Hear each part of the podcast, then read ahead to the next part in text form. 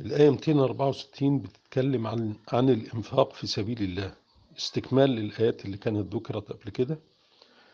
فلا تبطلوا صدقاتكم بالمن والأذى. قلناها دي في الآية اللي فاتت. وهنا إضافة جديدة كالذي ينفق ماله رئاء الناس يعني يرائي الناس بيمثل يعني.